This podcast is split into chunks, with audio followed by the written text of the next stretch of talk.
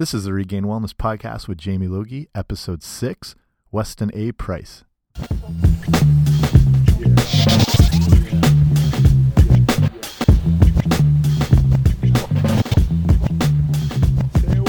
Hey guys, welcome back to the podcast.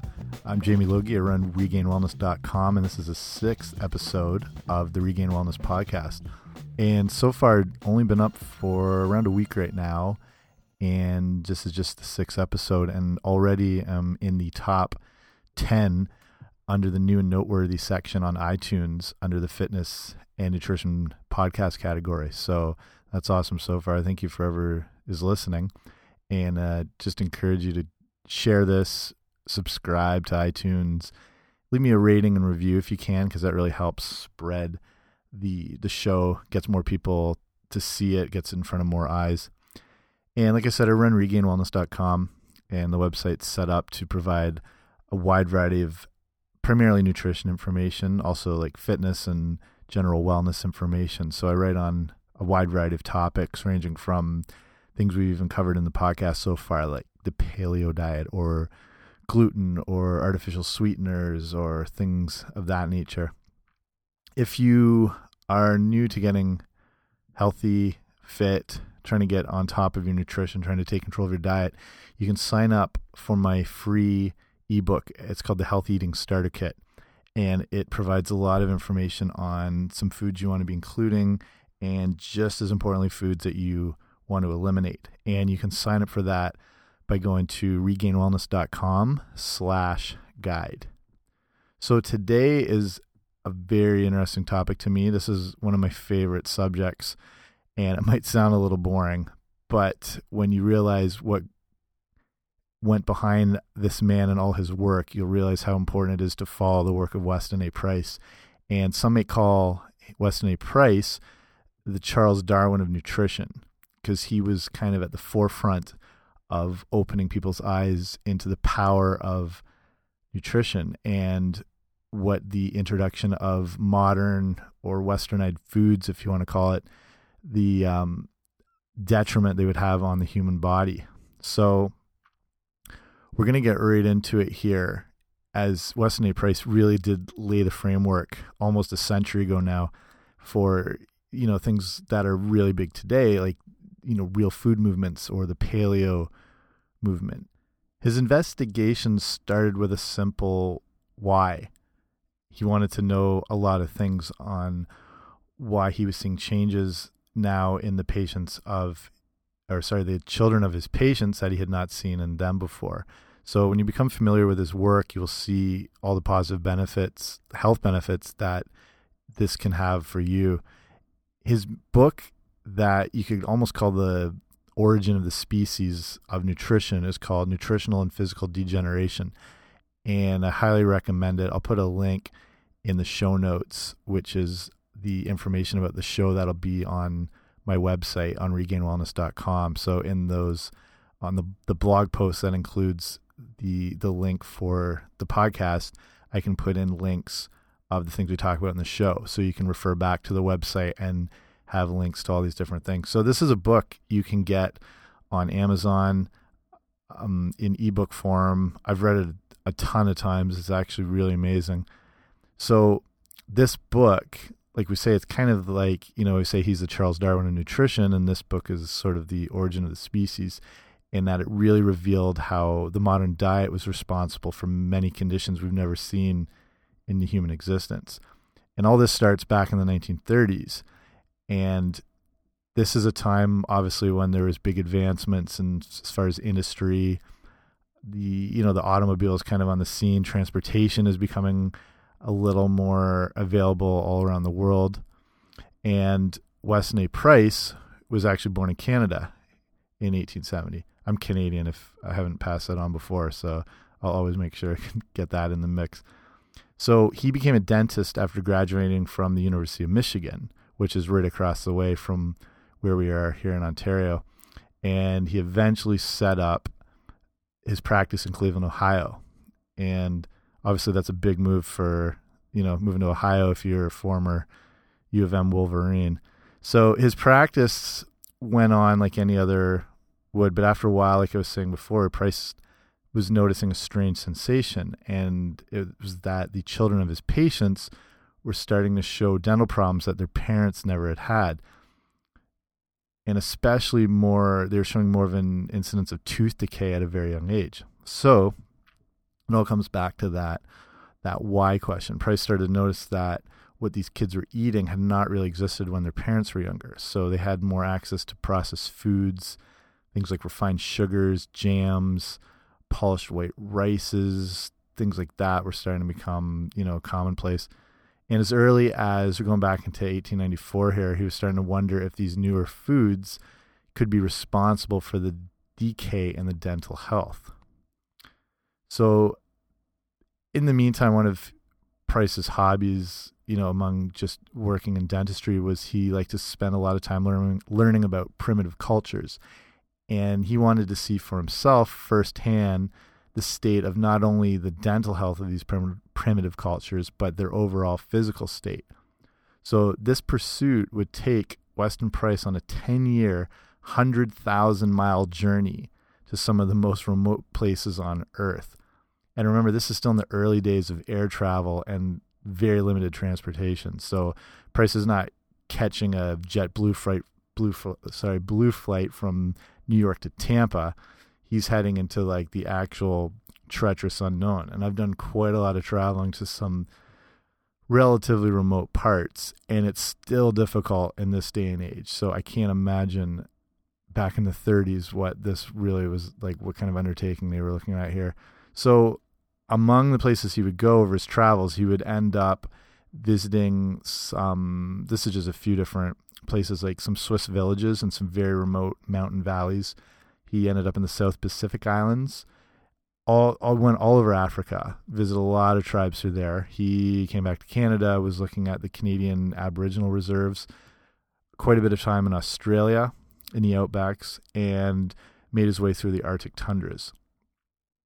So like I'm saying, this is not really a journey for the for the weak as just reaching these locations was incredibly taxing, not to mention incredibly expensive at the time. So we want to look what did he discover? So since Price was a dentist by trade, his first traits he looked at were an individual's teeth. And when we're talking about tooth decay, the technical term for tooth decay is known as dental caries, C A R R I E S and Price would measure them in all the tribes and populations he went to. So the thing that really astounded Price was the quality of all these people's teeth. And when you look when you look at our modern and actually smaller jaws now, they tend to hold 28 teeth, but he found the various tribes to have perfectly formed sets of all 32 teeth, which is what the human mouth actually can hold. And Price found that these populations had no access to modern foods and they were essentially still eating a diet that their people had been consuming for millennia. And there's a bunch of pictures in the book of these different um, tribes and areas he went into with the teeth, and I can try and put some of the pictures up so you can get an idea what he was encountering for the first time. And remembering that these diets are free from refined sugars, breads, white flour. It was basically observed when the ancient diets were switched from meat, vegetables, seeds, nuts, things like that, to carbohydrates like refined refined carbohydrates, sugars. The rate of tooth decay skyrockets, along with a real rise in some negative health issues. And when we're talking about the teeth, you have to remember these are tribes that have perfectly formed teeth that are not going to dentists. They're not using toothbrushes. They're not using scope mouthwash. They're not using whitening strips, you know, those regular adjustments and cleanings, but are having perfectly, perfectly formed teeth. So it gets us into the idea of the changing bacteria, that some of these remote populations were also getting access to modern foods and not surprisingly, Price found that in these locations that the dental decay was starting to appear. And like I was saying, eons of a consistent diet was being undone in just one generation. And the big part of that was this changing bacteria. So the bacteria composition of the mouth was starting to switch and did switch when our diets changed. when we started making the change from hunting gathering to farming, certain disease causing bacteria that were efficient at using carbohydrates started to win out over other types of friendly bacteria in the mouth. In the advent of further refined and processed carbo sorry processed carbohydrates resulting from you know industrial revolution advances were only making things worse. This move away from traditional diets to the modern had also caused physical degeneration, as is revealed by our now smaller mouse. As I mentioned before, our jaws can hold 32 teeth, and as our nutrition declined, our bone structure became weaker and our faces more narrow. Our jaws now did not have the room for all the teeth, and the the crowded jaw, that these newer shaped jaws, have resulted in the remo removal of wisdom teeth for many people. So there's some more pictures here where I'll try and put these up as well that show the tribes with people who are eating the traditional primitive diet, showing pictures of their perfectly short, um, formed teeth, and then pictures of kids who had been exposed to a modern diet, and you can see the changes in the teeth, and it's remarkable just in this like, like we are saying, in this one generation. Scientists and archaeologists also note that our brain size has gotten smaller over the last 20,000 years, and the dependence on modern food and even since the agriculture age have led to weaker and smaller bone density, resulting in a smaller skull and brain cavity. We also have moved away from the healthy, beneficial fats, especially those of the omega 3 variety that you'd find in seafood, nuts, seeds, and true grass fed raised animals. And with our increasing use of vegetable oils and exposure to things like trans fats, they've led to higher rates of omega 6 in our body. And this causes a real imbalance of omega 3 to omega 6. So this leads to inflammation in the body and can promote diseases such as cardiovascular disease, cancers, inflammatory disease, autoimmune disease. Even our brains themselves are physically made up of omega 3 fats while say a gorilla or a chimpanzee doesn't have the same enzymes in the body or raw materials in the diet materials in the diet leading to a brain that is not as developed so what made up these primitive diets for all these different cultures that Weston A. Price was finding himself in what was what were they eating that allowed them to remain in this ideal health and to be free of physical degeneration and to have pretty much flawless tooth and gum health uh, this clearly varied depending on the region, as Price studied, say, Inuits that had very little access to fauna and they depended on a large amount of animal fat, you know, things like whale blubber and proteins. The say tribes in the western side of the Nile and the Sudan were primarily a cattle raising culture, so their diet was based around things like raw milk, meat, even blood some of these tribes would consume especially with these um sorry western side tribes price regarded them like I was saying around the nile and the sudan price regarded them as being extremely extremely unique specimens with great musculature and the women would average around six feet tall and some of the men were at, were reaching seven foot tall in these areas. There's also talking about the other tribes there's the the bantu tribe that were more vegetarian based. And they would focus on things like sweet potatoes, corn, beans, banana, millet, kaffir corn, sorghum, things like that. There's one tribe called the Dinkas tribe, which Price noted as the healthiest, and they had a diet primarily of fish. They also incorporated in some grains and millets.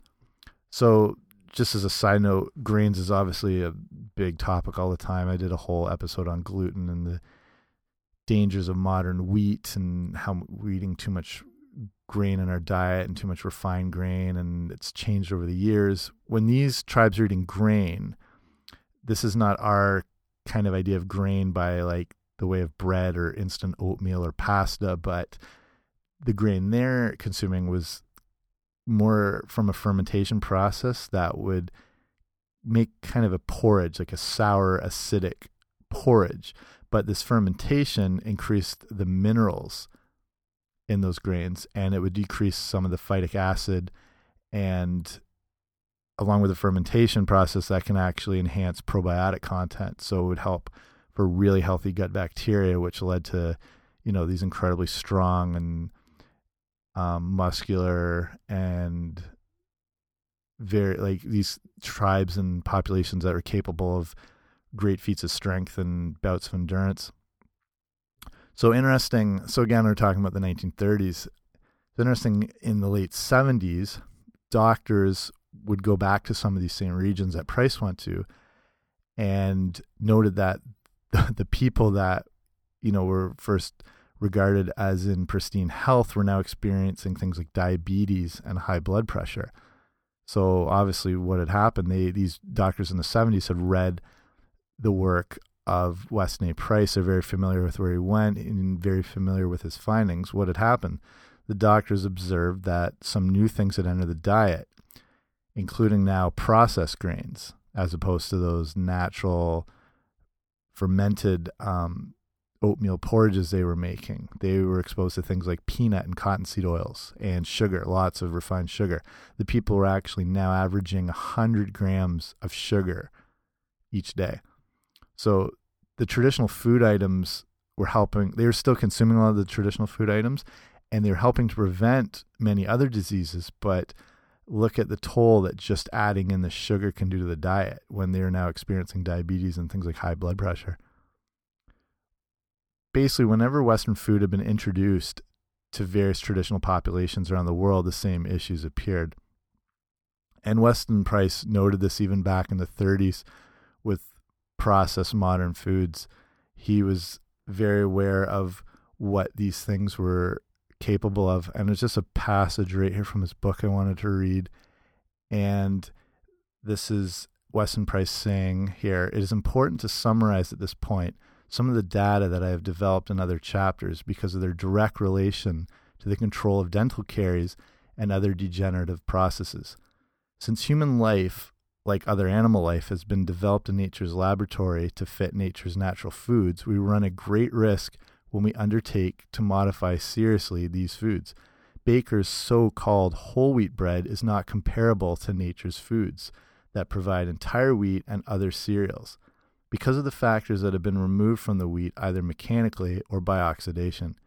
This is so large a problem that adequate changes in the available grain foods cannot be made until there is sufficient public demand to produce them through the normal channels of supply and demand. It is primarily a problem for our federal and state governments. Packaged foods containing dry cereals can undergo important changes, even while the material is being processed or while in packages on the shelves. The determinations of the loss of vitamins in packaged foods, as reported in 1938 by the Agricultural Experimental Station of Oklahoma, Agriculture and Mechanical College, reveal that a material loss occurs in two weeks' time and a very serious loss in one to two months' time in certain stock rations. So he's talking about the processed modern foods of the 1930s. And if you look at these things from then, they could almost be considered superfoods compared to what we have today, because this is a time before high fructose corn syrup or real trans fat or artificial sweeteners, genetically modified foods. And I think this just shows this goes to show the damage that can be caused by not eating real food. And again, it has to do with getting back to your roots and getting back to real food.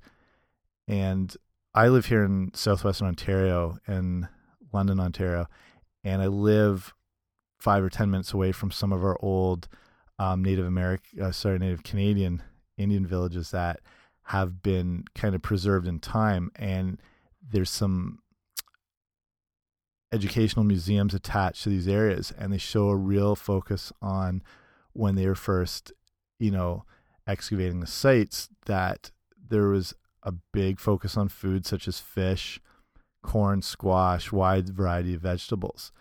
And that was what was available in their region at that time. And it varies around the world. Different populations are eating different foods depending on what was available in their ecosystem. So I've been lucky to do, like I said earlier, quite a bit of traveling, and I've seen some relatively remote places. I've been in to Brazil. I've been into some small tribal regions and little coastal islands. I've been around New Zealand, um, again down in the South Island and some more really remote areas, and meeting people are still following a relatively ancient diet. They were avoiding modern foods, and then when you'd go into more higher population areas, then you you start seeing the heavier set people and the rates of obesity starting to climb, which I really noticed in Australia. I spent some time living in Sydney and was able to travel quite a bit. So I noticed specifically when I went up to Cairns and up to Darwin and getting up around that way, meeting some Aboriginals that had moved into the city and them having relatives like uncles and people who still lived off the land or lived off the bush. And it reminded me of pretty popular study by someone named Kerin O'Dea, who had noticed diseases such as diabetes and heart disease affecting the indigenous population of Australia. That once they'd moved into these urban settings and adopted a modern diet, they were starting to get all these diseases. And she set out to find if she reversed this you know westernization which she also reversed their health problems so she looked at 10 middle-aged overweight and diabetic aborigines and had them go to live a seven week traditional hunter gatherer life in a very traditional isolated homeland in northwest australia that was more than a day's drive from the nearest town. So first, this is what they found when they looked at the previous diet of these people, they were eating things like you can imagine flour, sugar, rice, carbonated drinks, cheap meats, potatoes, pretty much a Western diet. While in the various regions in the outback, their diet was made up of things like seafood, kangaroo, birds, grubs, shellfish, turtle, crocodile, yams, figs, bush honey, plant foods, things of that nature after seven weeks with the blood test, so they found really striking improvements in their basically every level of their health, and they averaged an 18 pound weight loss. Their blood pressure and triglyceride levels dropped into a normal range. Their omega omega three ratio in their body um, went up.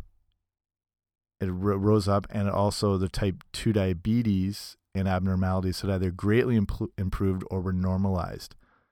And an interesting point that she makes in a study is that actually their their activity level dropped while they were in the outback because they spent a lot of time sitting around conserving energy before they would go out looking for something so they're actually less active but then experience all this weight loss so to sum up weston price it's that continual reminder to keep your food real. To as Sean Croxton, if anyone knows him from Underground Wellness, calls it JERF, just eat real food. That the more we focus on real whole foods and remove things that are manufactured or processed, better your health and your overall wellness is going to be for it.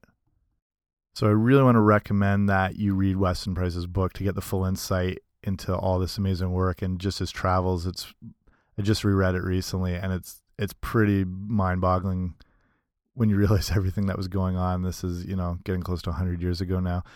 Um, you can also follow along sorry follow along with the Weston Price Foundation, which is online and keeps you up to date with different findings, studies, and just stuff like that. I'm always checking in on there. And as for me, hopefully you've enjoyed this podcast. Ideally, it'd be great if you could subscribe, leave me a review, rating, and it just really helps bump it up on iTunes. If you want to reach out to me, you can obviously check everything on the website, regainedwellness.com. If you want to email, just questions, concerns, if you want to see other topics, whatever I'll be able to cover on the show, you can email to me at info at regainedwellness.com. Check me on Facebook. It's facebook.com slash regained wellness and even Twitter if you like that too. It's the handle is at regained wellness. So, hope to hear from everyone. I'll check you on the next episode. We're going to be talking about the ways you can manage your grocery shopping a little bit better and kind of the psychology that goes into the design of supermarkets to keep you in longer and to make you spend more money. It's actually very interesting. A lot of the tricks these people use. So, just when it comes to everything with your health, fitness, as you're trying to, you know, make improvements and strides and everything like that, remember progress, not perfection. See you next time.